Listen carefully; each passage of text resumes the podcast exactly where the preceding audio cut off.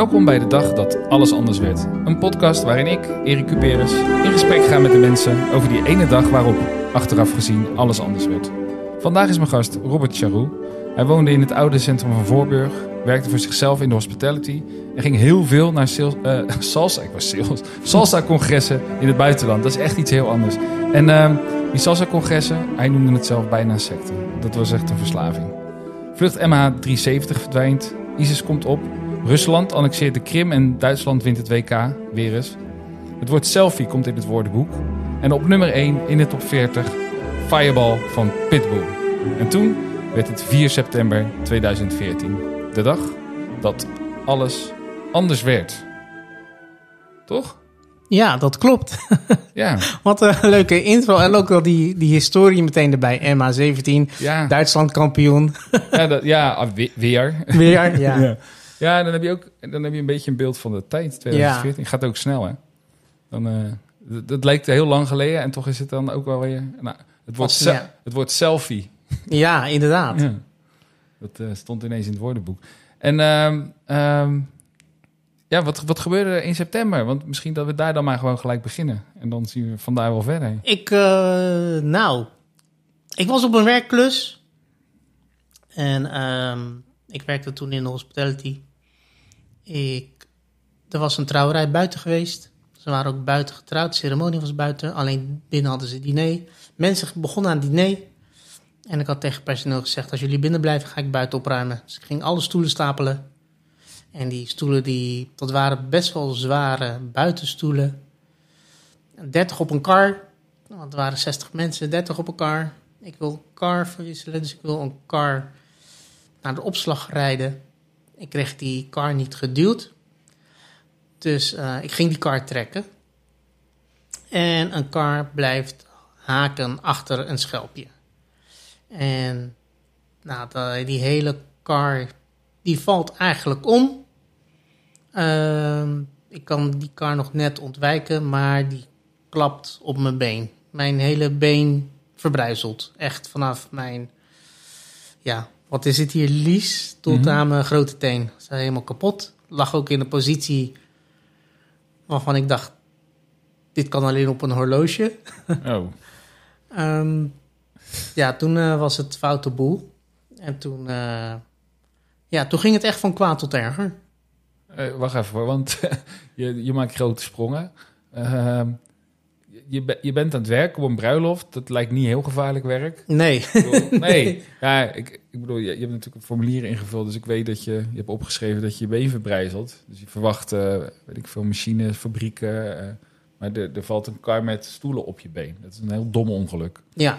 ja, maar als je, nou ja, als het 2, 3 kilo per stoel is en het zijn 30 Ja. koe- stoelen, Ja, en dan op een, het waren van die karren waar ze bierfusten mee rondrijden, of Mm. waar, wat je wel eens in supermarkten ziet. ja, ja, oh, ja. En als dat eenmaal omvalt, Ja. dan met dat gewicht erop, ja. Maar goed, je wist gelijk dat het echt foute boel was. eh. ja, eh, eh, ja. was, was je nog bij? Ik Ja. bedoel, Ja, ik was nog bij. ehm, want ik heb. Ik was bij, maar misschien weer ook helemaal niet. Want ik heb op een of andere manier. die kar van mijn been geduwd. Ja. Eh, terwijl ik later hoorde dat ze drie m- eh, man nodig hadden om die kar weer eh, te, te verplaatsen en Hmm. omhoog te zetten. Dus ja. ik weet niet hoe dat kan. Ik heb van de klap zelf niks gevoeld. Eigenlijk pas, ik denk ongeveer een half uur, drie kwartier later. Want ik lag daar dus op het veld. ja. En de ambulance was verdwaald. Dus ik heb best wel een tijd- tijd daar buiten gelegen. En eh, dus toen die adrenaline uit begon te werken, ja, toen begon ik wel echt, echt intense pijn te voelen. Ja. Ja. en je, je, je zei net al, of dat is niet eens een soort voorzetje, het, het wordt nog erger. Ja, ja. Ja, want ik, het is een beetje, ehm, nou, deze podcast gaat dan over zo'n moment, hè, een, een, een, ehm, hoe zeg je dat in het Nederlands? Ik wil zeggen, een pivoting point, een, eh, een kantelmoment in je leven.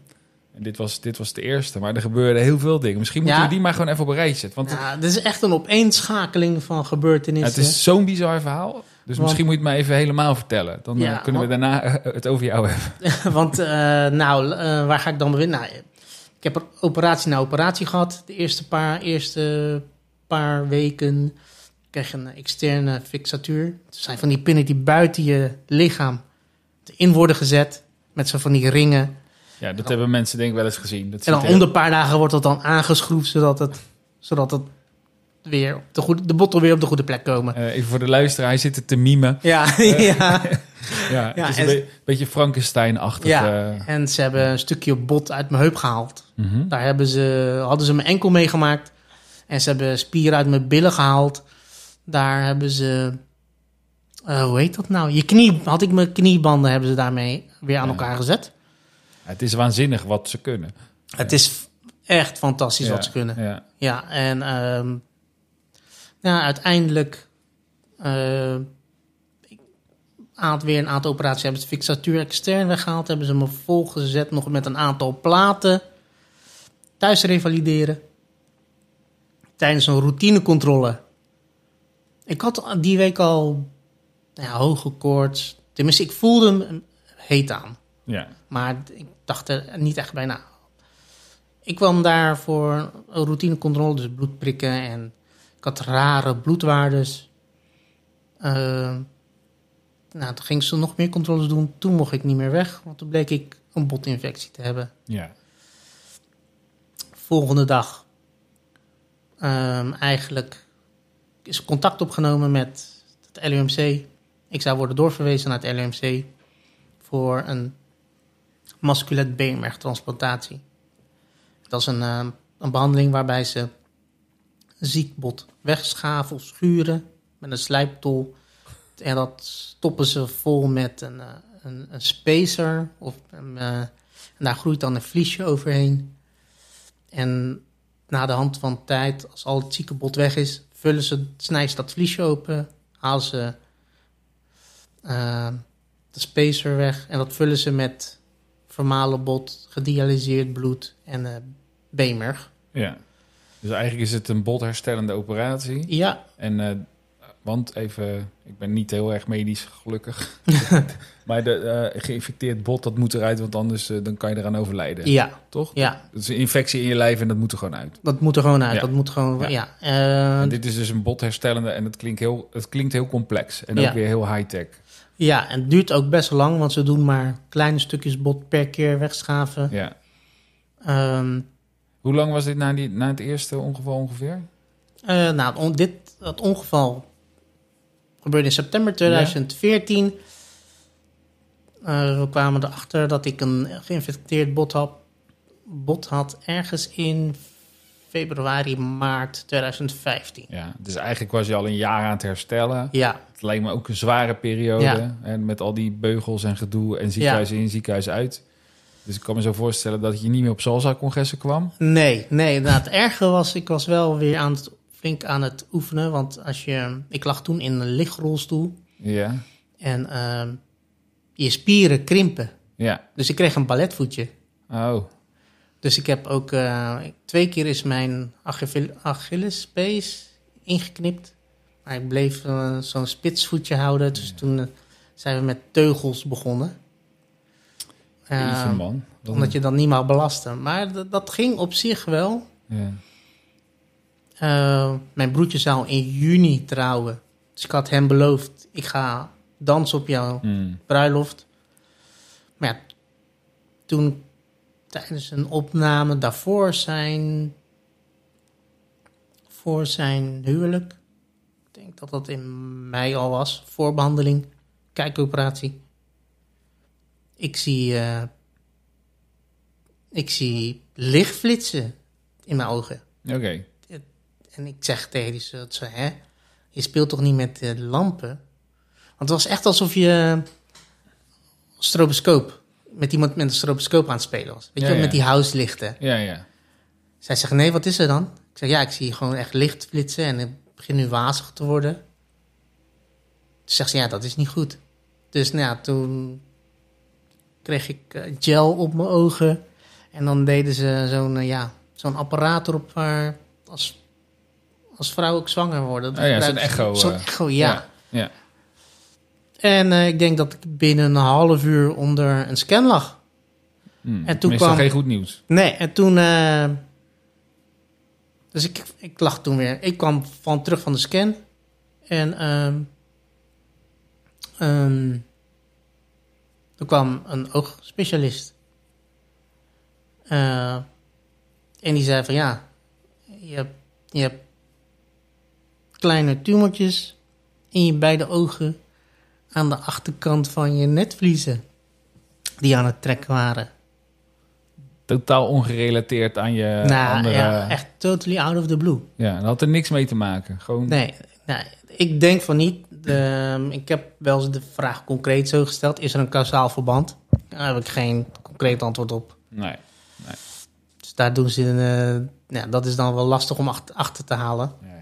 Je lijf is sowieso natuurlijk aan het, aan het vechten en aan het Ja. herstellen. En, eh, maar goed. Dus ehm, Dus je hebt twee tumoren achter je netvlies. Of je hebt achter je netvlies heb je tumoren. nee, op mijn. Op je netvlies. Oh ja. Ja, ja.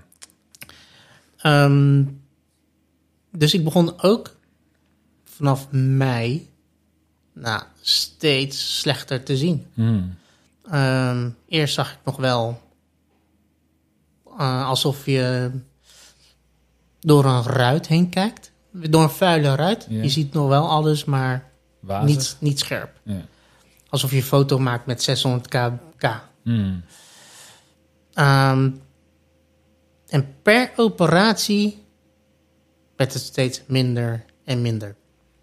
Ik denk in juni van 2015, want toen ging mijn broertje trouwen.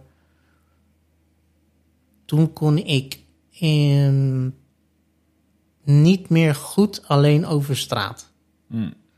Ik eh, liep toen nog zonder stok. Dus ja, dus dan ga je uit vanuit contrastkleuren en de vormen en de ja.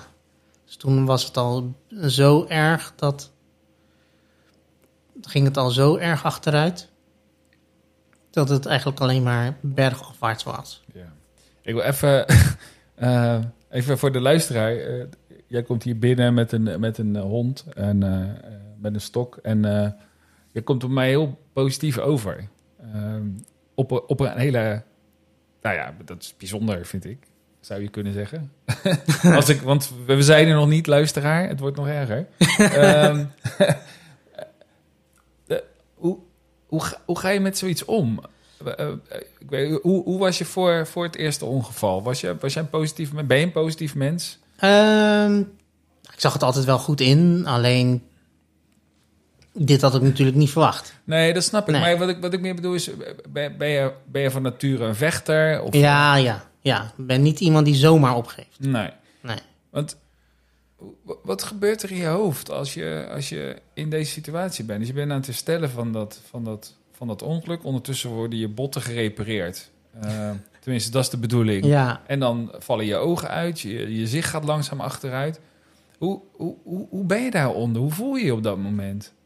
Eh, aan de ene kant word je geleefd. Want je leeft van behandeling naar behandeling. Ja, Ehm, dus je, ik moest mij aanpassen aan de roosters van de specialisten. ja, Ehm, ja, alleen ik ben dan nog steeds wel de baas hoe ik daarmee omga. Mhm. Dus ik zorgde altijd wel dat eh, het bij mij en rondom gewoon heel erg gezellig was. En dat er altijd wel gelachen werd. En dat, eh, ehm, en dat hield mij wel goed op de been. Ja. En hoe, de- hoe deed je dat dan bijvoorbeeld? Poeh, nou, eh, boeken luisteren, comedy luisteren. ehm. Ik heb een hele lange tijd ehm, een jongen naast me gehad, die lag. Die had een oud ongeluk gehad, daar kon ik het goed mee vinden. Dus ja, dus zetten we het ziekenhuispersoneel, weet je, dan zetten we die hele gang op stelten. Dus dat, ja, dus dat was al, dat was altijd gezellig. Ja, gewoon contact maken. Oh ja, ja, en ook. Heb je een goede comedy tip? wij, wij, wij luisteren hier graag naar. Oeh, toen, toen, Ja? oh, ik heb toen echt wel alles van. eh, ja, hij is wel grof, maar Bill Burr Ja, en Trevor Noah. ja. ehm, Ja, die stonden wel hoog in de lijst, ja. En daar, daar kon je toen ook eh, in die tijd eh, veel spullen van YouTube en internet halen. Ja, ja. Dus dat, ja, dat vloog er doorheen. Ja. Koptelefoon op en, Ja. eh, en luisteren naar Ja. eh, goede grappen. Ja, en ehm, nou, op een gegeven moment was het als uh, verpleging pauze hadden, dan kwamen ze in mijn kamer. Dus ja, dat, je kent dan op een gegeven moment ook echt iedereen. Ja. Ehm, Het, want je was gewoon heel veel in het ziekenhuis natuurlijk. ja, Ja. nou, laten we het zo zeggen. Ik denk vanaf september 2014 tot eind 2017 heb ik geen dag thuis geslapen. Dus Drie jaar lang. Ja, Wauw. ja. Ja, want ik ging van ziekenhuis naar ziekenhuis. Ja. Ehm, en op een gegeven moment ging ik ook naar eh, Apeldoorn. Daar moest ik ook intern revalideren. Mhm. Daar heb ik ook 56 weken totaal gezeten. Jeetje. Maar het zijn, ook, het zijn ook nog eigenlijk verschillende revalidaties tegelijk. Ja, Ik kan me voorstellen dat het voor de, voor de professionals ook eh, complex is. Want die moeten dan ook nog weer een soort van rekening houden met, met elka- elkaar of zo. ja, Was- ja. Ging dat een beetje goed? Ik bedoel, Nee, hij Nee. schudt heel hard hoofd. nee, dat, nee, want iedereen... Ze hebben allemaal hun eigen protocollen Ja, natuurlijk. ja, Jij, jij past daar niet in. nee. Nee, ik voel... Nee, eh, Jij was bijzonder op een manier waarop je liever niet bijzonder Ja. bent. eh. ja, want ik ging op maandag en dinsdag... zat ik in Den Haag op loopschool. ja, Toen ging ik dinsdagmiddag naar Apeldoorn. ja, Daar zat ik dan tot vrijdagavond voor mijn blindheid. ja. En dat, dat clashte. Nee, Ja, maar ik zou dat ook niemand meer aanraden. Nee, maar ik nee. zit ook te denken, eh, als ik nu blind zou worden, dan moet ik ook leren lopen. Laat ik Ja. zeggen, dan moet ik. En als je dan. jouw benen deed het niet meer goed. En, en tegelijkertijd is je zicht ook nog eens weg. Ja. Dat is wel. eh, Ja, dus eh, ja. Nee, het was complex. Ja, Ja. vooral eh, na de beenmergtransplantatie. De transplantatie ging op zich goed. ja.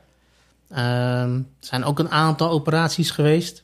Dat is ook een heftige operatie, toch? Ja, Tenminste, het klinkt heel heftig. nou ja, gaat, je gaat wel goed onder narcose. Ja, Alleen ja. daarna doet het, is er wel een lange revalidatie. En ehm, ze hadden... Ze hebben bij mij... me- bij me, mij zelf de beenmerg geoogst. Eer- Ze hebben eerst in mijn rug gekregen, maar toen hebben ze het uit mijn bovenbeen gehaald. Ja. Ja, dan doet dit ook nog eens een keer pijn. Oh ja. Ja, dus... Dus, nou ja, dat... eh, maar goed, dat...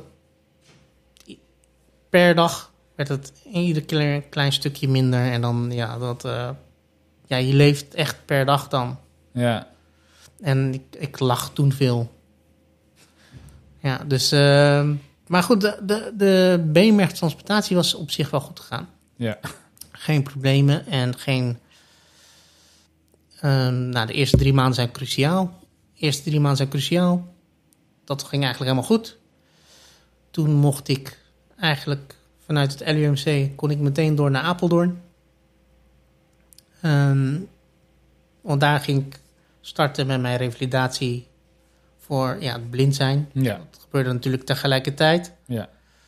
Want eh, tijdens mijn behandeling van mijn been werd, ging het zicht zo, ja, zo erg achteruit. Dat ehm,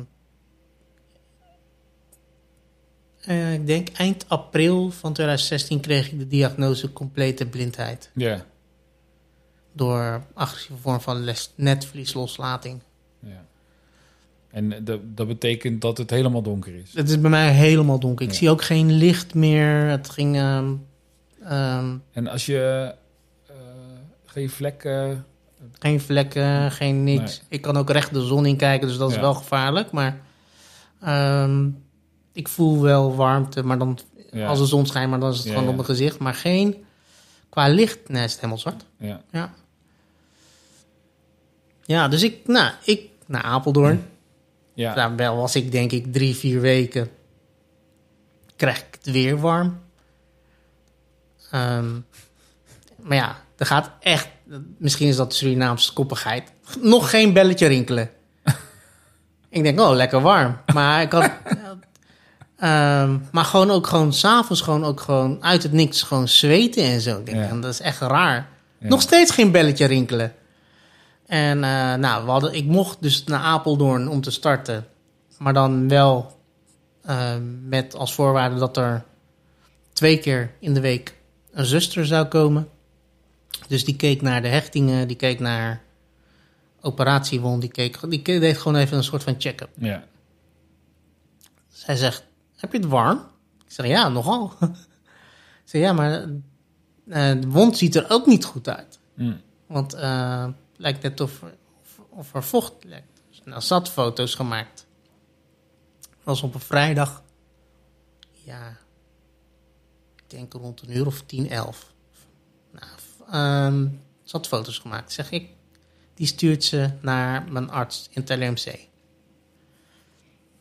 En nou, ik ging dus weer naar therapieën. En op het terrein heb je een aantal panden. En dan, ja, in het ene pand heb je muziek. En het andere pand heb je brailleles. En in het ene pand heb je dan eh, bijvoorbeeld... eh, ja, eh, handvaardigheid, laat ik het ja. zo noemen. Weet je, wel, je leert beeld houden. Je leert, Ja. ja, pitrieten en dat soort dingen. Ja. Dus ik loop terug van het pand naar het hoofdgebouw met iemand. En ze zegt, hè, er komt een ambulance het terrein op rijden. En ik weet nog dat ik echt een van de dom grapje maak. We lachen allebei. En ehm, nou, we komen de hal binnen. En de, de receptionist die zegt... "Ah, Robert, wil je nu eh, je, eh, je chirurg bellen? En dan nog steeds geen belletje rinkelen. Mm. Dus ik had hem aan de telefoon. Hij zegt, ja, je moet nu binnenkomen. Ja, toen dacht ik, huh? Dus die ambulance is voor mij.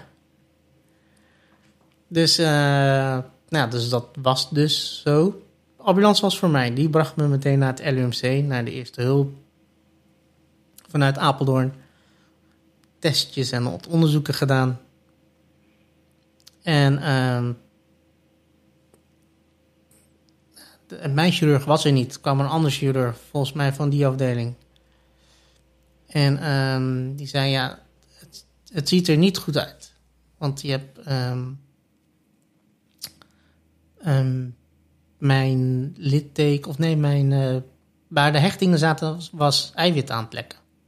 Dat betekent dat de eiwit aan het scheiden is vanuit je bloed. Mm. Dus dat zijn de eerste tekenen waar dat goed fout is. Nou, toen eh, dacht ik... Toen pas ging er iets dalen van... Oké, dit is slecht. Ja. Ja, toen ging er... Nou, weer...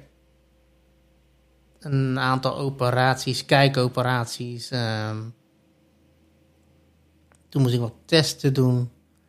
En ergens in juli in juli van 2016, begin juli van 2016, moest ik naar het La- Leiderdorp. Toen moest ik onder de PET-scan.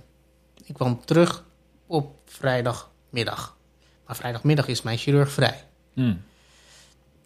Dus ik werd teruggebracht door twee dames in de ambulance. Eentje was vroeger coureur geweest en de andere was lingeriemodel geweest. Dus nou ja, dat is natuurlijk hilarisch. Het is een goed verhaal. Ja, dus dat was echt prachtig. Dus we waren grappen aan het maken op de terugweg. En was onwijs... Nou, ik kwam dus mijn eigen kamer op. Er kwam verpleging, die kwam vragen wat wil je eten, hoe het ging. Dus het was, nou, het was een gezellige boel bij mij op de Dat herkende kamer. je natuurlijk ook allemaal goed. Ja. Ja. Het was onwijs gezellig op de kamer. En ehm, nou, ze tillen mij op, zetten me in mijn bed. En eh, ik hoor opeens iemand zeggen... Nou, de, de ambulancezusters gingen weg. Ik hoor opeens iemand heel verbaasd zeggen... Dag dochter. En het wordt echt stil en kil in die kamer. Mm. En ik hoor ook gewoon echt iedereen... zonder iets te zeggen... mijn kamer uitgaan. Ja. En ehm, hij doet die deur dicht. En gewoon een ijs, ijzingwekkende ja, sfeer. hij doet die deur dicht. Hij ging een stoel pakken, zo'n klapstoel. Ja. Schuift dan naast, naast mijn bed. En zegt, ja, dit is niet goed, Robert. Zeg, we hebben alles gedaan. En Het ziet er niet goed uit. Eh, nou, toen had hij dus... Infectie was terug, maar dan erger. Eh, legde hij uit. En er waren een aantal opties. Of ik mag de behandeling doen. Hetzelfde behandeling. Maar dan in een buitenland eh, ziekenhuis. Bij een kennis, vriend van hem in Duitsland. Mhm. Of in Gent, Amsterdam. Een van die twee was het. Maar ik- alleen als ik naar een ander ziekenhuis zou gaan, zou hij dus medisch zijn handen ervan af moeten trekken. En waarom zou je dan in een ander ziekenhuis eh, in een ander land het nog kunnen proberen? Ehm, dat waren kennissen van hem of vrienden van hem Ja. die dezelfde behandeling deden. Ja, ja. Ja. Ehm, hij zei wel, ja, je kansen, zoals het er nu uitzien, minder dan nihil. Hmm, ja. Dus eigenlijk raadde die dat af. Ja, hij zei, dan is er nog de optie. We wachten gewoon, we doen niks. Ik eh, doe er een paar platen in. En dan is het gewoon wachten totdat je bot afbreekt. Maar dan heb je wel... Er is echt een verhoogd risico dat je bot gaat splijten... en dan mis je je hele been. Hmm. Of je doet... ehm, of we gaan handelen snel... en dan eh, doen we amputeren nog onder de knie. Hmm. En dan heb je nog wel je kniefunctie. Dat is nogal een boodschap, zeg. Ja, Voor een salsa danser. ja op een vrijdagmiddag. Ah, ja. ja, net nog met twee eh, dames zat te ouwehoeren in de... ja, ja. ehm, En nou proppen we dit hele verhaal in, in een podcastje. ja, Dus het is ook zo, als je het zo bij elkaar optelt, dat je denkt, jeetje, ik moet nog Ja. even ademhalen ook tussendoor. Eh, ja, geen tijd voor. Nee. Nee, Ja. dus toen heb ik, ja, ik denk, nou, in week daar, de, die, eh, het was op een vrijdag, van maandag tot vrijdag, heb ik allemaal informatie gehad over amputaties, over protheses, over, nou ja, je hoofd wordt volgestopt Hmm. met, eh, met informatie. Ja. Met, met, nou ja, met, eh, met allerlei informatie. Ook eh, informatie wat je niet wil hebben. Ehm, ik had eh, een boekje gekregen van eh, Jeffrey Huff. Is een, een bekende Hagenees die zijn been heeft verloren. Mhm. Dus ehm, een, een zuster was die gewoon aan het voorlezen. Toen kwam ze later met het boekje Kutkanker van Bibianne. Ja. Nou, daar achterin stond dus haar gegevens van, het, eh, van de foundation. ja, Bibianne Mentel. eh, Ja. Zij, eh, zij eh, beschrijft in haar boek dat ze een eh, soort van amputatie heeft gehad, waardoor ze fanatiek kan sporten op een prothese. Ja, ze is een paar keer kampioen eh, snowboarden geworden Ja. nog. Maar de meeste mensen weten dat waarschijnlijk wel. Ja. Ehm, dus toen zei die zuster van, zullen we haar mailen? Ik zeg, nou nee, joh, die gaat niet reageren. Hmm. Ja, we hadden hooguit, eh, hooguit ehm, de hoop dat Edwin zou reageren. Ja. Eh, Edwin is haar man die de foundation toen beheerde of leidde. Ja. Ehm, en toen ehm, kwam ze, ik denk twee dagen al later, ja, telefoon voor jou. Toen wa- belde ze zelf. Ja. Dus toen ehm, heeft ze verteld wat voor eh, stomp ze had. Want ehm, als je vlees dubbel klapt, heb je Ja. hoeken.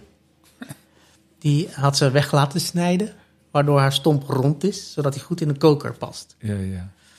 Ja, dat zijn geen gesprekken die je ooit denkt te voeren, man. Nee, en toen zei ze, daardoor heb ik geen ontstekingen. Daardoor kan ik gewoon ook wat meer, ja, kan ik gewoon wat fanatieker met mijn prothese omgaan Ja. ook. Het sportvariant. Ja, Ja. ja en ehm, want anders moet je een soort van rekhoekig vorm moet je in een koker duwen. Mm. Een cirkel, cirkelvormig iets. Ja, dat, dat gaat natuurlijk knellen en ontstekingen veroorzaken. Hmm. Toen zei ik, nou, dit moet je aan mijn arts vertellen. Ehm, nou, dat is volgens mij toen ook gebeurd. Ja. En toen heb ik wel een keuze gemaakt, eh, eigenlijk, ik denk die dag of die dag daarna, we gaan onder de knie amputeren. alleen met als voorwaarde dat, ehm, dat dokter Tomaten was toen mijn chirurg. Ik wilde dat per se dat hij de amputatieoperatie zou doen. Ja. Eh, nou, toen zei hij, ja, dat is goed, dat doe ik graag. Alleen ik ga wel op vakantie binnenkort, dus ehm, dat moet tussen nu en twee, drie weken. Dus Hmm. ik ga een plek in de operatiekamer reserveren. En toen, ehm, ik denk een week. Ja, ik denk iets, een week, anderhalve week voor de operatie. Nou, werd ik giga bang voor de amputatie. Want je weet, ja, je weet dat je met je kop op het blok moet. Of met je been op het blok moet, Ja. ja. En ehm, toen werd ik giga bang. Ehm,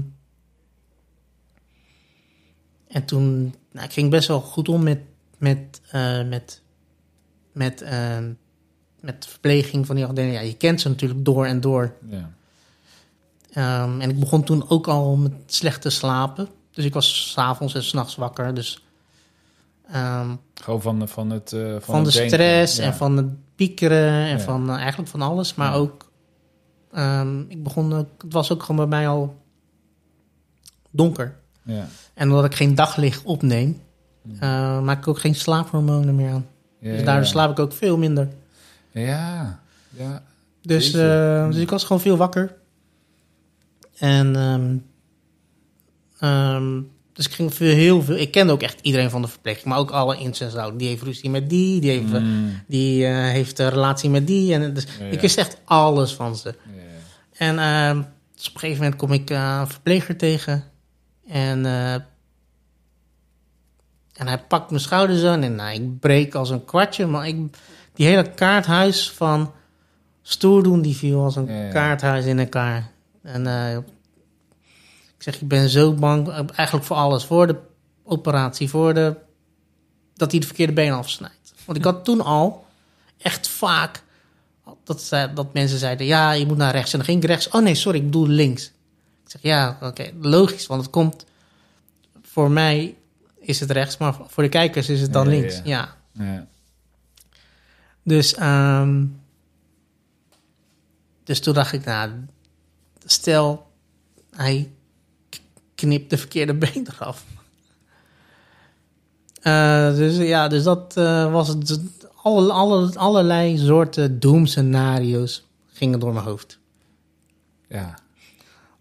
Zelfs, ik denk, ja. ik zelfs, zelfs, straks heeft hij een bot mes. Ja, maar ja, dat doen ze niet met een mes, dat doen ze gewoon met een cirkelzaag. Ja, maar stel het is een botte cirkelzaag. Weet je wel? Ja, ja. Dat, dat soort dingen gaan. gaan En, maar het klinkt niet als iets wat je, waar je normaal heel veel last van hebt. nee. Maar op zich, my god, weet je wat je dan allemaal al achter de rug hebt? Dan vind ik dat je het nog langer hebt volgehouden. Dus dat je zegt dat je daar op dat moment even doorheen zakt. Ehm, ja, dat vind ik niet heel gek. Nou, En, en de meeste mensen, eh, als, ze 's nachts wa- als je s'nachts wakker wordt, is heel vaak... als er dan iets is wat speelt in je leven, dan ga je daarover nadenken. ja. En piekeren, dat, dat past heel goed in de nacht. En als je dan door, door, doordat je domweg geen daglicht meer in je ogen krijgt, ook nog eens slecht slaapt. Dat is wel echt een giftige cocktail. man. ja. Ik, eh, ik, ik denk dat, eh, dat eh 80% van de mensen al buizen vol met antidepressiva. en ik Ja. weet niet, ja. Therapie. Ja. Had je ook nog een beetje psychische bijstand of zo? Eh, ja, best wel veel. Ehm, ehm, je hebt een hele uitgebreide geestelijke verzorging in ziekenhuizen. Ja. Dus er kwam een boeddhist langs, kwam een imam langs, kwam een eh hindoe-priester langs, kwam een, eh, een... Kan zeggen gewone priester. maar hij zat niet aan hoor.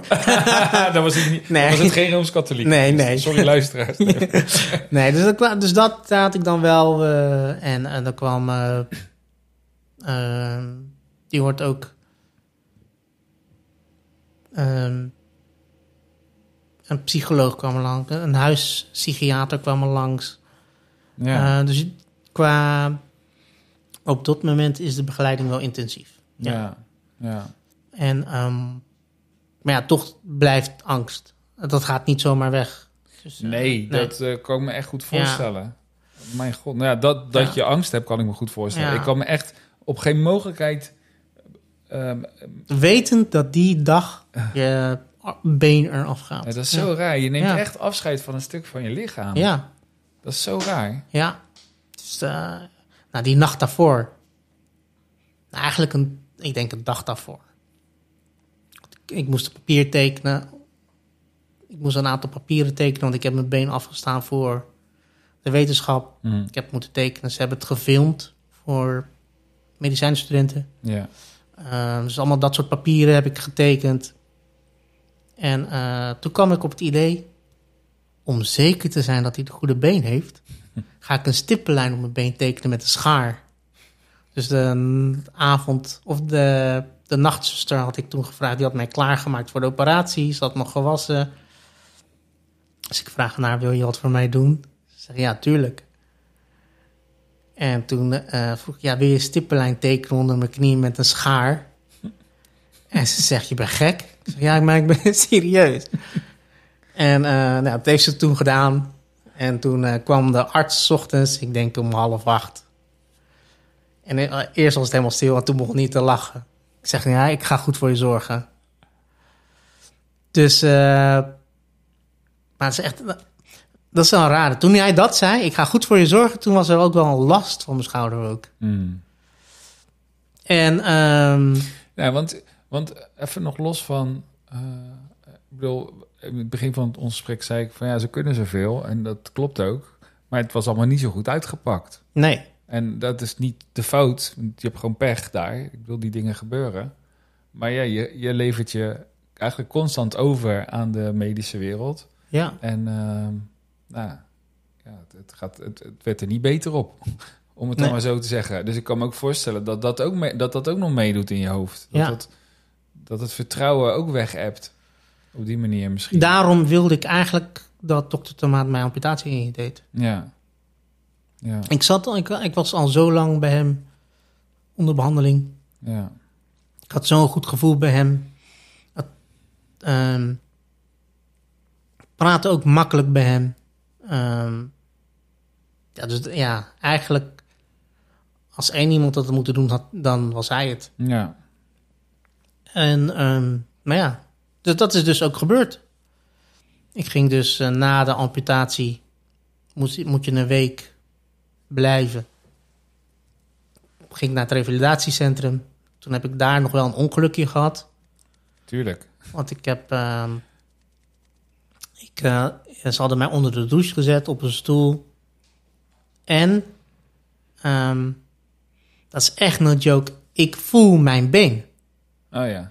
Ik voel hem gewoon. Ja. Ik voel gewoon de kou in mijn tenen. Ik voel de waterstralen op mijn voet vallen, op allebei. Mm. Dus ik sta op. Oh. Dus ik kukel om op mijn stomp.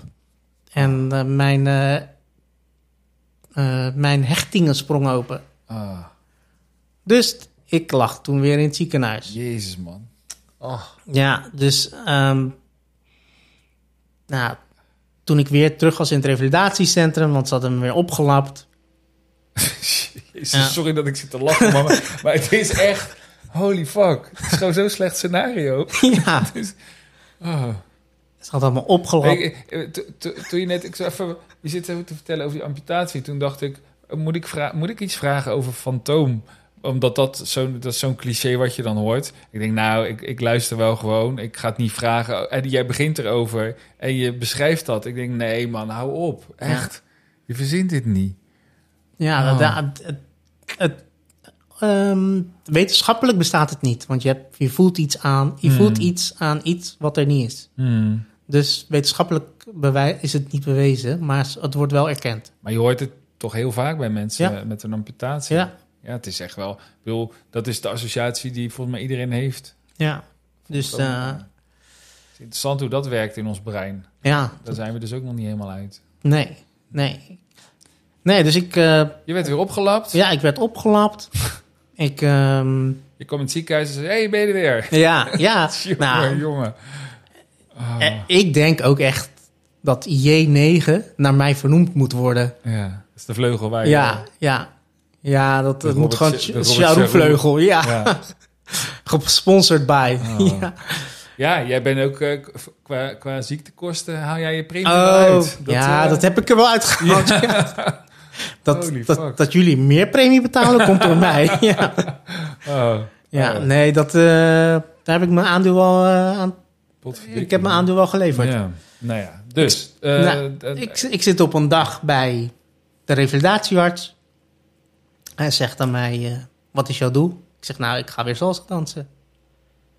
en hij, begint mij, hij begint te lachen. ja. Maar op een gegeven moment denk ik, zit hij me nou uit te lachen? Want ik was serieus. Mhm. En toen, ehm, toen werd hij stil. Toen zegt hij, ja, daar moet je geen rekening meer mee houden. Dat gaat niet meer gebeuren. Mhm. Want ehm, ik heb namelijk twee beperkingen, namelijk het blind zijn en het missen van je been. En dat zou eh evenwichtstoornis en instabiliteitsstoornis veroorzaken. ja. Hij zegt, ehm, daar moet je geen rekening mee houden. Je moet er rekening mee houden dat je 80% van je tijd in een rolstoel gaat zitten. Dat je hooguit een rondje om je huis gaat kunnen lopen. Of van je rolstoel naar de badkamer. Maar meer gaat er niet gebeuren. Wat, is, wat is dat raar? Ja, Is, is, dat, is dat verwachtingsmanagement? Of? ik denk het.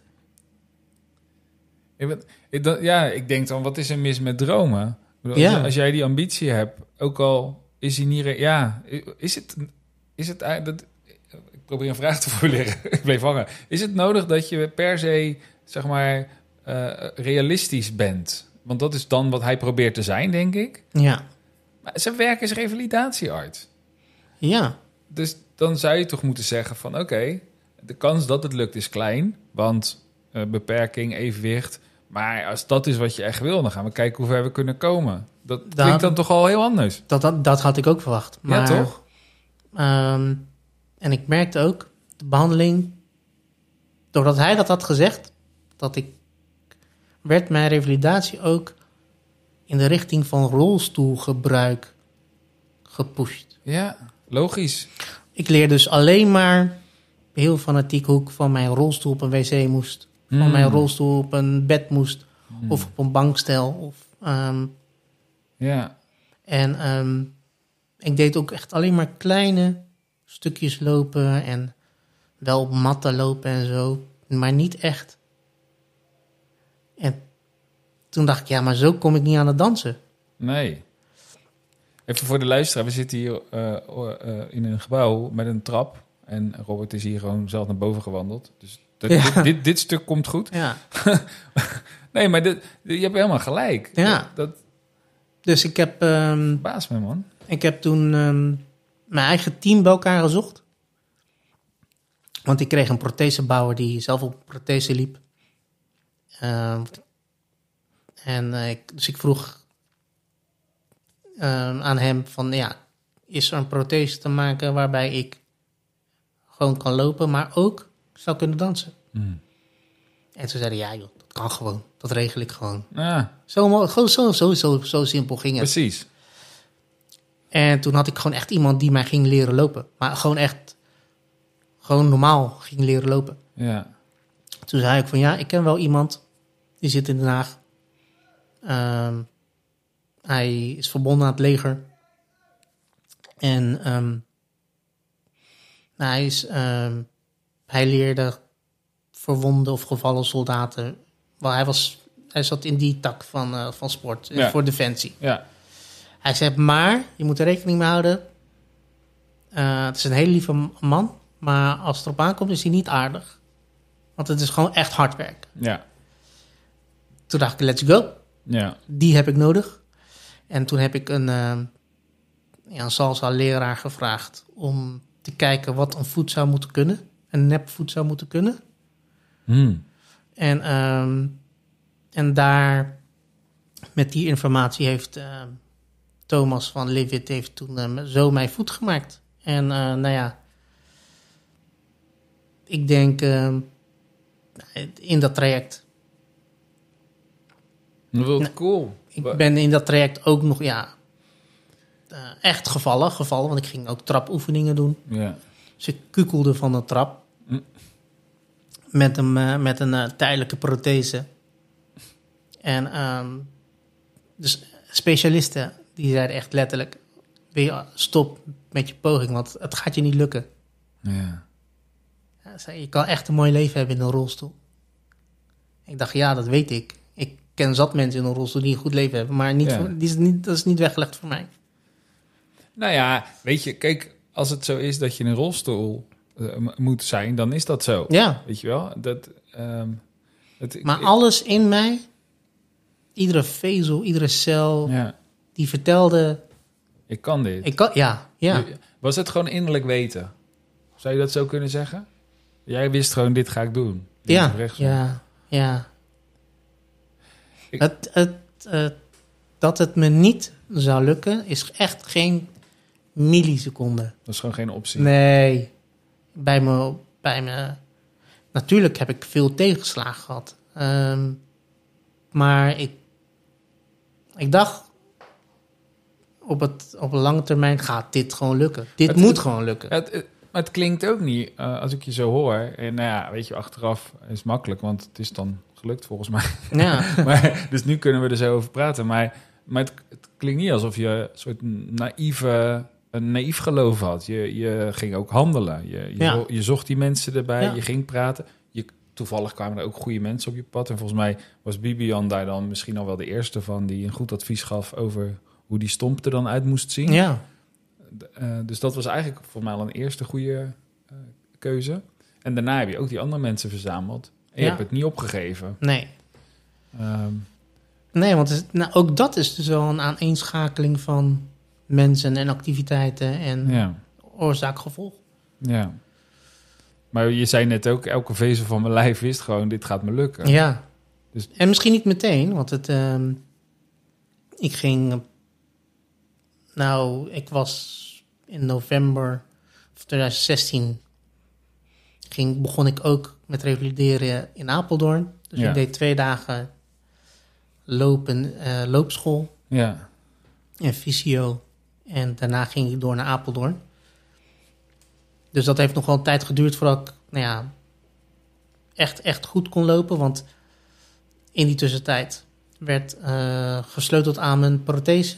ja, Dus af en aan heb ik in Apeldoorn wel in een rolstoel gezeten. ja, Ehm, en wat er ook gebeurt als je qua lichaam het gewicht verandert, moet je prothese ook veranderd worden. oh. Dus, ehm, en je stomp is in het begin heel groot. Ja. En, eh, en, eh, nou ja, dat slinkt. En dat, eh, dus, dus je zit, in het begin is er heel veel aanpassing nodig. ja, Ehm, dus ja, dan, ja, dan moet je wel veel geduld hebben. En, En, en, en ondertussen was je ook nog aan het wennen dat je geen zicht had, vond Ja. ik. Want dat is ook, ik bedoel, dat is ook niet ja, want eventjes. Eh, Breien leer je ook niet zomaar, denk ik. nee, nee, Dat is hartstikke nee. moeilijk. Dat is hartstikke moeilijk. En Ja. ik moest mijn telefoon leren bedienen. Ik moest Ja. mijn computer leren bedienen. Ik moest softwarepakketten aanvragen. Ik moest... Ja, toen we net, eh, net voor de opname, toen zat je even te bellen. en eh, de- de- toen hoorde ik, eh, want ja, dan krijg je dus audiofeedback. En dan hoor je dus zo, zo heel snel over welke knop je Ja. vinger gaat. Ja, En ik dacht echt, ik ben helemaal knettergek. Maar dat is voor jou gewoon... ja. ja dat is dan voor mij normale tempo Ja. eigenlijk. Ja, want ja, ik word niet meer afgeleid door het visuele. nee. Dus, die, ehm, dus ik hoef me eigenlijk alleen te focussen op de audioprikkels en niet meer Ja. op de visuele Ja. prikkels. Ja. Ja. Dus je vinger gaat over zo'n... Dus dan, dan, voor de luisteraar misschien interessant. Je vinger gaat over die knoppen en waar je vinger is, dat, dan, leest hij dan dat voor. leest hij voor. Ja. Ja. Heel snel. Ja. Echt heel snel. Ja. En dan, eh, ja. ja, dus ehm, Dus dat moet je ook leren. Je, Ja. was, je, had- je was op een missie. Ik wil in ieder geval eh, die, dat, weer salsa dansen. ja. Was En het ook de bedo- bedoeling dat je dan ook weer gewoon zo'n chick door de lucht zou smijten? Nou, echt, eh, door de lucht smijt is eh, heel ja, uh, het is rock'n'roll, hè? rock'n'roll Ja. en eh Lindy Hop, maar Ja, het was wel de bedoeling dat ik wel weer goed mee zou kunnen gaan. ja precies. En ehm, nou, op een, ik had een aantal keren, dus op de dinsdag was ik dinsdag vroeg klaar en ik werd dinsdagmiddag pas opgehaald. Dus uh, Mori en Desiree van Salsa Ventura, die hielpen toen mij in die tussentijd dat eh, met dansen en met, weet je, gewoon de, de basisfeeling weer terugkrijgen. Ja. En, en Ik kan me voorstellen dat het ook wel fijn is om gewoon in een ruimte te zijn waar gedanst wordt. Ja, nee, het was wel. eh, privé-achtige. Ah, ja. ja, dus was Ja, wel zonder andere mensen erbij. Die energie en de muziek. En, ja. ja, en ook gewoon weer met oudere, weet je, mensen die mij nog kenden van die eh, tijd. ja, ja, en ja. ehm, is natuurlijk een ander, ja, andere vibe meteen. Je was er ook even uit. ja. Dus die hebben toen, ja, ehm, eigenlijk toen weer hoe het weer, ja, hoe het weer is om te dansen met een prothese. ja. Want je moet je voorstellen, prothese is doodgewicht. ja. Je moet eigenlijk, je bent aan het tennissen met een tas met boodschappen aan je arm. Zo moet je het, eh, Ja, ja, ja, ja. want je hebt geen controle over het gewicht wat je verplaatst. Nee. Dus je, door, door, dus als ik me, door je bovenbenen een, een eh, duw te geven. ja, dan Je amputatie is onder je knie, dus Ja. je kan je knie nog bewegen. Ja, dan... Dus stel ik schop mijn, eh, ik maak een schopbeweging. Ja, Door het gewicht van de prothese ga je achter je gewicht aan. ja. ja. ja. Dus dat moest ik dus al onder controle leren. Het moest echt een ramp geweest zijn voor Desiree. Want ik heb, denk ik, in een van die lessen met mijn elleboog haar neus. ik heb met mijn elleboog haar neus geraakt. Ik heb op haar voeten gestaan. Ja, die is, die is volgens mij die dag echt bont en blauw Ja. naar huis gegaan. Ja, dus dat. ehm, Ik zie ook de hele tijd filmbeelden voor me. Ja. Maar dan, zeg maar, zo een beetje zo... Zo'n zo montage. ja. Snap je wat ik bedoel? Ja. Zo, eh, Ja. ja. dus zo Ja. langzaam maar zeker, want dit, dit ging niet eh, in één dag. Nee, nee, nee. Het ging echt eh, ging heel langzaam. Even, even, zijn we nu door alle medische ellende heen trouwens? Hebben we het nu gehad? Ehm, nou, ik denk het bijna wel, ja. Ja, als, ik hoop niet dat er meer mee zijn. Nee, nee. nee, nee, maar dat is even goed om te weten. Ja, Want dus, Ja, ja. ja. dus ik heb toen... ehm, nou, toen ik... Nou, wat... Ik kwam toen thuis, denk ik. Of nou, ik was toen iets vaker thuis. En ik had ehm Desiree aan de telefoon. Toen zei ze, heb je geen zin om gewoon naar de les te komen? Ik zei, ja, maar is dat niet gek? Hmm. Want ja, ik weet niet of ik meekom. Ik weet niet of ik op, op het tempo kan meedraaien. Ik wil, niet, weet je, ik wil niet dat de les wordt opgehouden. Hmm. Je wilde niet de rest tot last zijn. Nee. nee. Zei ze, nou, dat gaat zeker niet gebeuren. Hmm. Dus, eh, nou ja, ik kon denk ik redelijk goed meekomen. Ehm, het ging natuurlijk best wel... Ja, ik moest wennen aan de snelheid van muziek. Ja. Van snelle muziek en Ja. eh, van, ja, van je evenwicht, van duizeligheid. Van, het waren allemaal dingen waar ik dan geen rekening mee had gehouden. Maar dat leer je dan gaandeweg. Zoveel mensen om je heen misschien ook? Nou, dat niet zozeer. Nee? Nee. Ja, ik ik dacht Nee. ineens, je bent zo vaak zoveel alleen geweest. Ja. In, zo'n ziekenhuisbed. Een hele andere wereld. Nee, nee, dat, nee, dat, nee, Ja. dat ging goed. Maar het was meer van, omdat je fysiek draait. Oh ja. Probeer dat maar met je ogen dicht en op één been. Of, ja je bent je, je, bent je, natuurlijk je hele, je hele evenwichtsorgaan Ja. snapt het niet meer. nee, Dat nee. moet ook herstellen. Ja.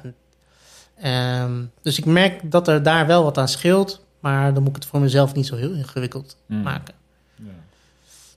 En ehm, Maar goed, je, je, je, je danste weer. ja, dus nou, toen ook echt wel, eh, ik denk, eerste grote salsa feest was denk ik januari 2018. Ja. Dus echt na twee jaar leren lopen, mm, echt na aanpassingen, eh, nieuwe enkels proberen. Ehm, Klinkt ook zo gek, hè? ja, Ah, even een nieuwe enkel proberen. Ja.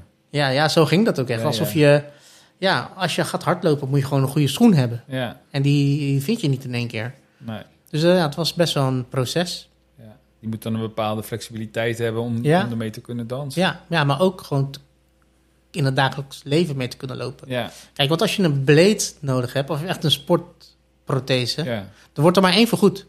ja. Dus nou ja, dan eh, stel je hebt een blade nodig en, of een, een, een sportprothese, die zijn niet gratis. Die zijn, eh, daar kan je echt een goede auto van kopen. Ja. Ja, want dat zou ook een optie kunnen zijn, Ja. toch? Zo'n een, dans, een dansbleed. Ja, ja, maar dan zou ik dat dus zelf Ja. moeten vergoeden. Ja. En dat, ja, dat, dat zou ik niet kunnen betalen. Nee. Ja, dus toen... ehm, Nou, en toevallig ehm, vroeg, ik weet niet hoe ik daarin terecht ben gekomen. Iemand vroeg mij om iets te vertellen aan ehm, medicijnstudenten. Mhm. Die gingen een keuze maken.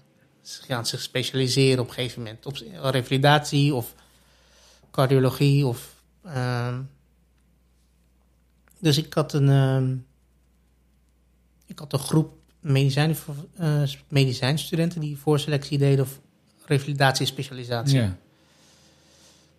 En eh, zo ben ik eigenlijk mijn haal- verhaal gaan delen eigenlijk.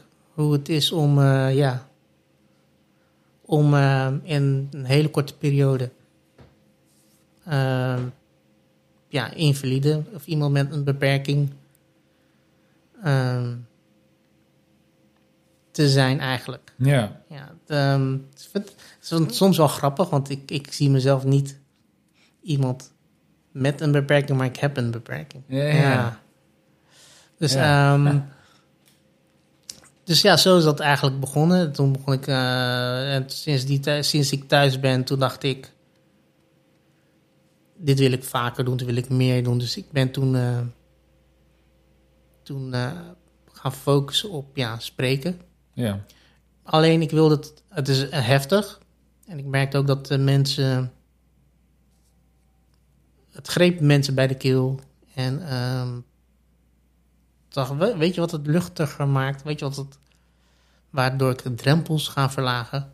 Comedy. Ik moet het Mm. gewoon grappig vertellen. Ja. Dus ik ben eerst een cursus gaan doen Waar heb je dat gedaan? in Den Haag. Oké. Ehm, nou, dat was op zich oké, maar niet echt mijn ding. Want ik wilde geen liedjes zingen. Ik, had, eh, ik zat meer in een eh, ja, cabaret-achtige ding. Mm. Ik wilde geen versjes maken of sketches jij, spelen. jij dacht gewoon aan stand-up. Inderdaad. Bill, Bill Burr. Ja, in het, ja Chris Rock. Ja, Ja. Dave Chappelle. Ja, weet je, die stijl. Gewoon Ja. hard. Ja. Gewoon right in your face. Want. Dat, is het dat is het ook als je een prothese hebt. Of als je blind bent. Het is Mhm. right in your face. ja. Dus ehm, ik weet niet hoe ik kom, maar iemand die zei ook: Weet je, je moet hebben, je moet Farbot hebben. Die woont in Den Haag. Ja. ehm, die woont in Den Haag. Die, eh, die, kan, die wil misschien wel iets met jou. Dus ik had zijn telefoonnummer gekregen. En eh, nou, toen was dat meteen een klik. Hij bleek, bleek mij te herkennen van, van Zoetermeer. Dus dat was ook heel grappig. Ik ben opgegroeid in Zoetermeer en hij ook. Ja. Ja. En toen heeft hij me een soort van ja, onder zijn vleugels genomen. Oh, wat En nice. toen dacht ik... Toen had ik me ingeschreven voor een klein... Ja, iets, er was iets kleins in Den Haag. Het, het, eh, het Haagse Kabaal Theaterfestival. Dan mag je zes minuten spelen. Ja. En mensen lachen. Toen, dacht, ik- toen was er echt een nieuwe liefde geboren. Toen dacht, ik, toen dacht ik echt... Toen werd ik verslaafd aan de lach. Ja, ja, ja. Ja. En dus vandaar dat die passie eh, ook eigenlijk toen al meteen eh, is ontsproten. Ja.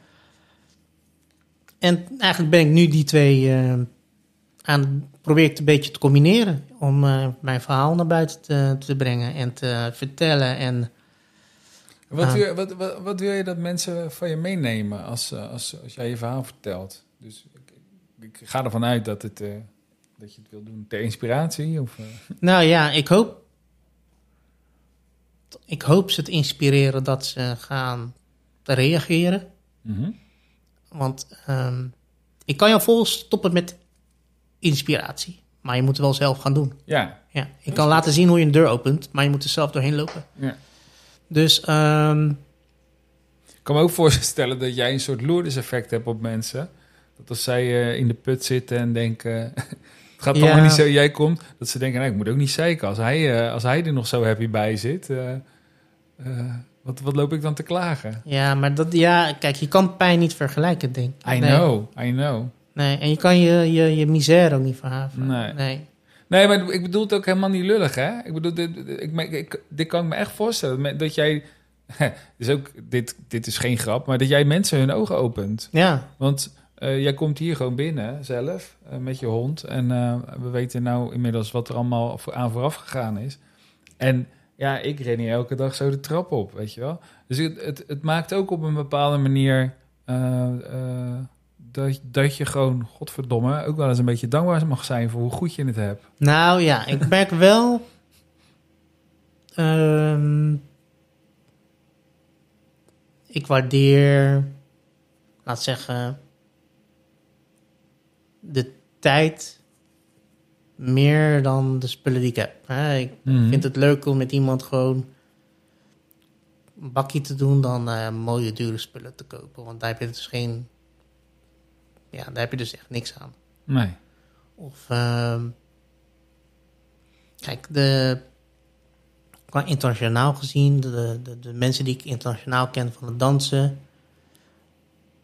Mijn netwerk was echt groot. Ja. Daar heb ik denk ik nog met drie of vier mensen contact mee. Zo oppervlakkig is het. Je bent interessant in die zin zolang je gezien wordt en Hmm. eh, mensen, weet je, je aandacht op jezelf kan vestigen. Ja. En zodra je buiten die picture valt, dan eh, is die aandacht ook weg. Ja. Dus de mensen met wie je dan nog wel contact hebt, die zijn eh, dan het dubbele waard. En dat zijn, dat, en dat zijn ook met kleine dingen. Goede koffie bijvoorbeeld. Of ehm, normaal, als ik dan ergens bakje dronk, dan ik, oh, klik je achterover en dan ga je weg. Ja. Nu koop ik verschillende smaakjes en dan denk ik, oh, dit is goed zeg. Ja, ja. Weet je, je, doet, je besteedt veel meer aandacht aan de dingen die om je heen zijn. Of, eh, ja. Ja. En eh, dus dat qua levensvreugde of qua waarde zit het meer in dat soort dingen dan in me ergens laten zien in, Ja. of, of op een dansfestival. Het is Of- intrinsieker geworden. Ja. Wat, voor, wat voor cijfer geef je je leven? Qua geluk? Nou, ik denk al acht. Ja. Ja, het, ehm, En wat, wat zou je het... Het is lastig hoor, nu terug. Maar wat, wat de dag, de, de drie maanden voordat die kar op je been viel... Wat gaf je het toen, denk je? Eh, nou, toen was het echt uiterlijk vertoon. Ehm, ik heb op hotelschool in Scheveningen gezeten. Mhm. En daar wordt vanaf de eerste dag dat je daar binnenkomt... De wereld is je tuin. Internationaal. Ja, dat, dat is ook zo. Ehm, ik heb echt op echt vele leuke plekken in het buitenland gewerkt. Ehm, ja, maar het is allemaal... Ik had, ik, toen had ik een, een, een soort van mindset van... Oké, ik ga een hele goede baan krijgen. Ik ga dure auto rijden, mooie auto. eh, Hmm. weet je, ja, luxe, weet je wel. Moet altijd eh, Ja. dure kleding. Ja, Ja. het Instagram, eh, Instagram geluk. I- juist, ja, ja.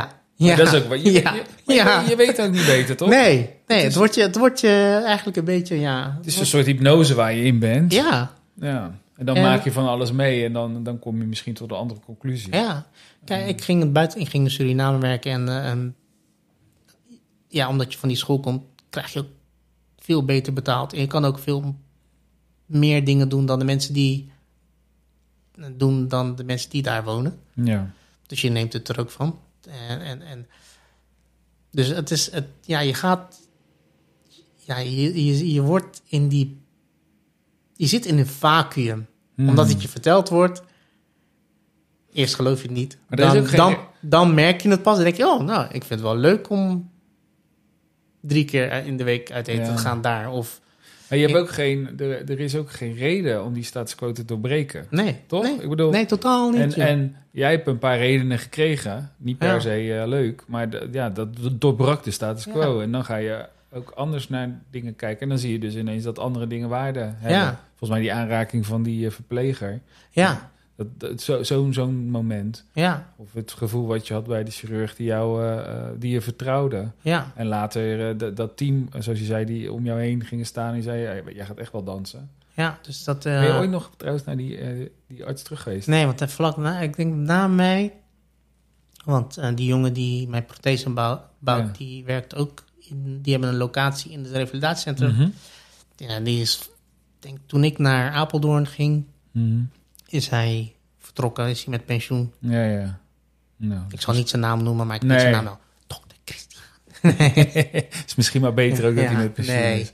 Kijk, nee, ja, ik, snap ook, ik snap het ook wel ik weer. snap zijn, Het zijn, zijn maar- visie ook natuurlijk ook Ja, wel. Want eh, Maar ik vind het niet, ik, heel eerlijk, ik vind die niet echt verdedigbaar. Ik vind, Nee. ik vind het niet zo liefdevol, eerlijk gezegd. Ik bedoel, je hebt een droom en weet je, je komt er namelijk ook wel achter als het niet zo is. En de- je mag, volgens mij helpt het namelijk ook als je even, nog in je droom kan geloven. eh, weet je wel, en dan langzaam ja, en maar zeker. vecht vooral. Toch? Ja. Ik, moet, ik moest ook denken aan het gesprek met Niek van der Adel. Die, eh, de- daar werd dan tegen gezegd, je, je hebt een volledige dwarslesie.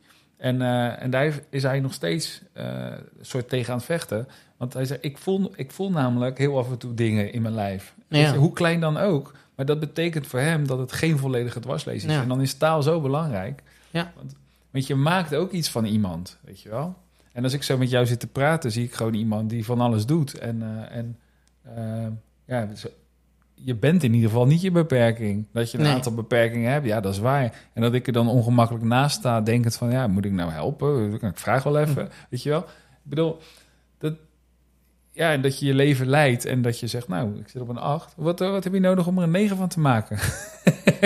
Ehm, Eigenlijk wil ik vragen, Ja. heb je nog dromen? Zijn er nog wensen? Wil je, weet ik veel, een, een volle een vol carré? nou, dat sowieso. Vooral Carré. Toch? Ja. Niet echt een stand-up zaal. Nee. Gewoon een lekkere avond op zaterdag op die Toemler. Ja, de- ja, Lekker. Zo, ja. Tussen, tussen eh, Ja, ik kan, ja. wie moet er voor je en wie moet er na je? Doen we, we doen even een ideale line-up. Het- We gaan even dromen. Zaterdagavond, eh, dan eh, de show van 9 uur. Het is uitverkocht. Je mag alle comedians in Ik Nederland... mag iedereen, iedereen. Zullen we Nederland doen? Anders wordt het Ja. wel- want anders weet ik al wel Oh. wie er staan. Nou, sowieso Ryan Pandey. Ja, je lijkt wel een beetje op Ja. Ryan. Oh, ik heb hem een keer mogen roosten. Was echt Oh. mega funny. Heb je dat op de radio gedaan? Ja, Dat heb ik gehoord. ja. Dat was te gek. Ja, dat was, ik. Ja, Ja. nice. Nice. En zeker met, eh, Ja, maar hij kan ook ik denk met. Glody. Oh, die is ook heel leuk. Ja, Glody, ja. Ja. ja. het zijn, denk ik zijn wel... Mag ik Ik vind, van, ik vind ze van de comedy trains sowieso allemaal eh, super. Alleen Ja, die twee... Oh, Yunus Actas vind ik ook mega funny. ja. is ook wel heel... Ja, ah, grappig, ze zijn allemaal heel anders en allemaal heel uitgesproken. Ja. Ja, dat hoort ook. Heb je, heb je alles open podium daar gedaan? Ja, een paar Open keer. Ja. Hoe ja. ging dat? Ehm, nou, de eerste keer ging echt mega slecht. Dan was ik ook mega zenuwachtig. Ja. En ehm, ehm, ik heb denk ik ook de zes minuten niet volgemaakt. Oké. Ah, je had het excuus dat je niet op je klok kon Ja, kijken. ja, nee, Jasper gooit een... Ik had afgesproken van Jasper gooit een schoen. Oh, want je ziet het lampje Ja, niet. ja. Even voor de luisteraar, als je eh, comedy doet, dan eh, zit er achter in de zaal een lampje, dat knippert als je Ja. klaar bent. En dan, En dan weet heb je nog een minuut. Precies, dan heb je nog een minuut. En jij krijgt een schoen naar je hoofd. Ja. dus ik had tegen Jasper gezegd, gooi maar een schoen of zo. Of, eh, ja. Dus ik, ik, ik, heb mijn zes minuten niet volgemaakt. Daarna heb ik nog wel een paar keer daar gestaan. Toen ging het... Ja, toen ging het veel... Het is daar zo'n... Dat is echt een warm bad. Ja. En, ehm, ja, die, en daarna ben ik nog een keer teruggevraagd door Ryan voor die roast. Ja, Ja, daar had ik wel iets te weinig tijd voor, want daar had ik een dag voor. ja, ja, ja. Maar die pakte wel goed uit. Ja, Vooral omdat Roué er ook zelf zat. ja die aflevering heb ik geluisterd. Ja. Dat is ook een podcast voor de show. Eh Ja. terugzoeken. Eh, ja, dat is nog niet zo lang geleden. Eh, poeh, wanneer kwam die online? Ik denk ergens in maart. Ja. Ja. ja. Ik vond het heel funny. ik Ja. vond het heel grappig. Ja. Dus eh, nee, met, nee, met die twee zou ik wel zeggen, ja, dat zou, Ja. dat zou echt zo'n drone-line zijn. Ja. Ja, ja. Moet- dat, dat is dan nog wel... Ik zou wel een vaste comedy-locatie willen hebben om- om te ontwikkelen en om gewoon verder te komen. Ja, en ja. kijken hoe ver je comedy kan schoppen. Want ehm, ik ben wel eens naar eh, Friesland gegaan. Dan zit je nou, drie uur in de auto of tweeënhalf Mhm. 14 mensen waren er. 14 mensen. Maar van vier Duits. Ja. En dus 10 mensen. En, en het was echt een heel klein kroegje.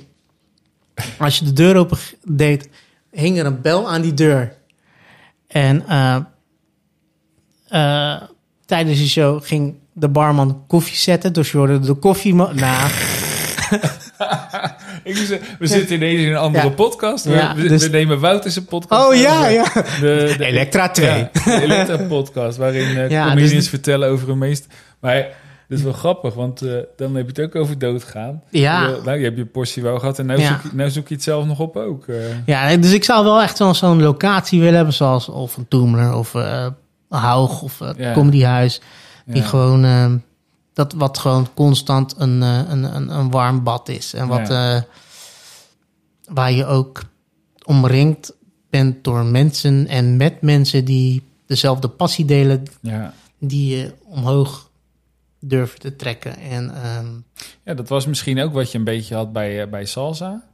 Ja. Ook een groep mensen met dezelfde passie. En, Ja. ja. Dus, eh, dus da- dat is dan nog wel een soort van droom. En ik zou nog wel ja, mijn agenda met boekingen voor het zakelijk publiek, zakelijk podium zou mag wel wat voller. ja. En ja, eigenlijk richt ik me op dat soort, di- eh, deze twee dingen eigenlijk Ja. richt ik eh, ja, me, nou, eigenlijk sinds afgelopen jaar. ja.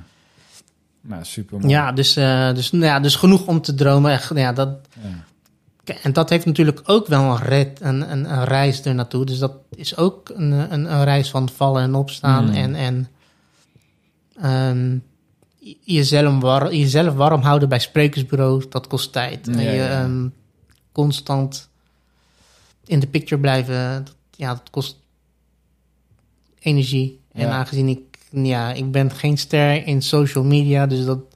Dus daar moet je ook hulp bij haar vragen. Dus ja, dus Mm. dat, is, eh, dat ben ik nu allemaal aan het leren en aan het ontdekken en aan het testen. En wat kan en wat kan niet. En, Nou ja, weet dus je, dat is ook echt een compleet nieuwe reis. Er zei, er zei ooit iemand tegen je dat je nooit meer zou salsa dansen. Dat is gelukt. Dus ik heb Ja. het vermoeden dat het hier ook wel mee goed komt. Ja, Eh, dus, eh, dus dat, dat, is, dat, dat zijn dan de dromen. Ja, voor de rest, ja, ik... Weet je, ik heb echt... Nou, ik wil niet zeggen dat ik mijn schaapjes op het droog heb, maar ik heb het gewoon prima naar mijn zin. Ja. Eh, ik heb een prima flatje in Den Haag. Ehm, ik heb een hondje die me aardig vindt. Ik heb... eh, ja, ik heb mijn mijn eten... Of mijn koelkast is gevuld. Ehm, ja... Volgens mij heb je niet veel meer nodig.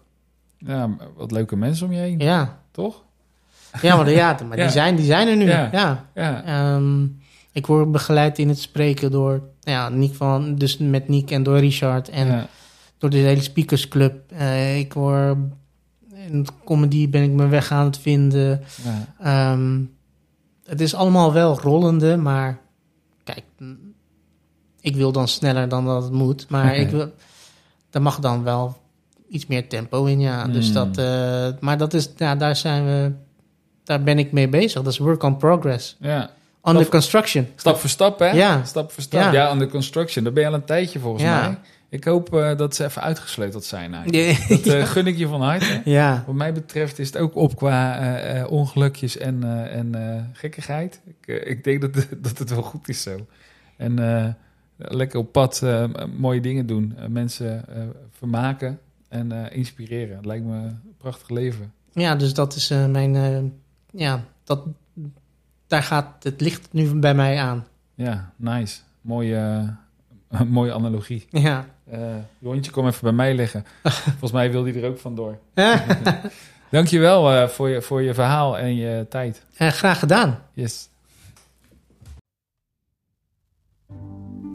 Dit was de dag dat alles anders werd. Dankjewel voor het luisteren. Als je dit soort verhalen nou tof vindt om te horen, abonneer je dan en laat een review achter.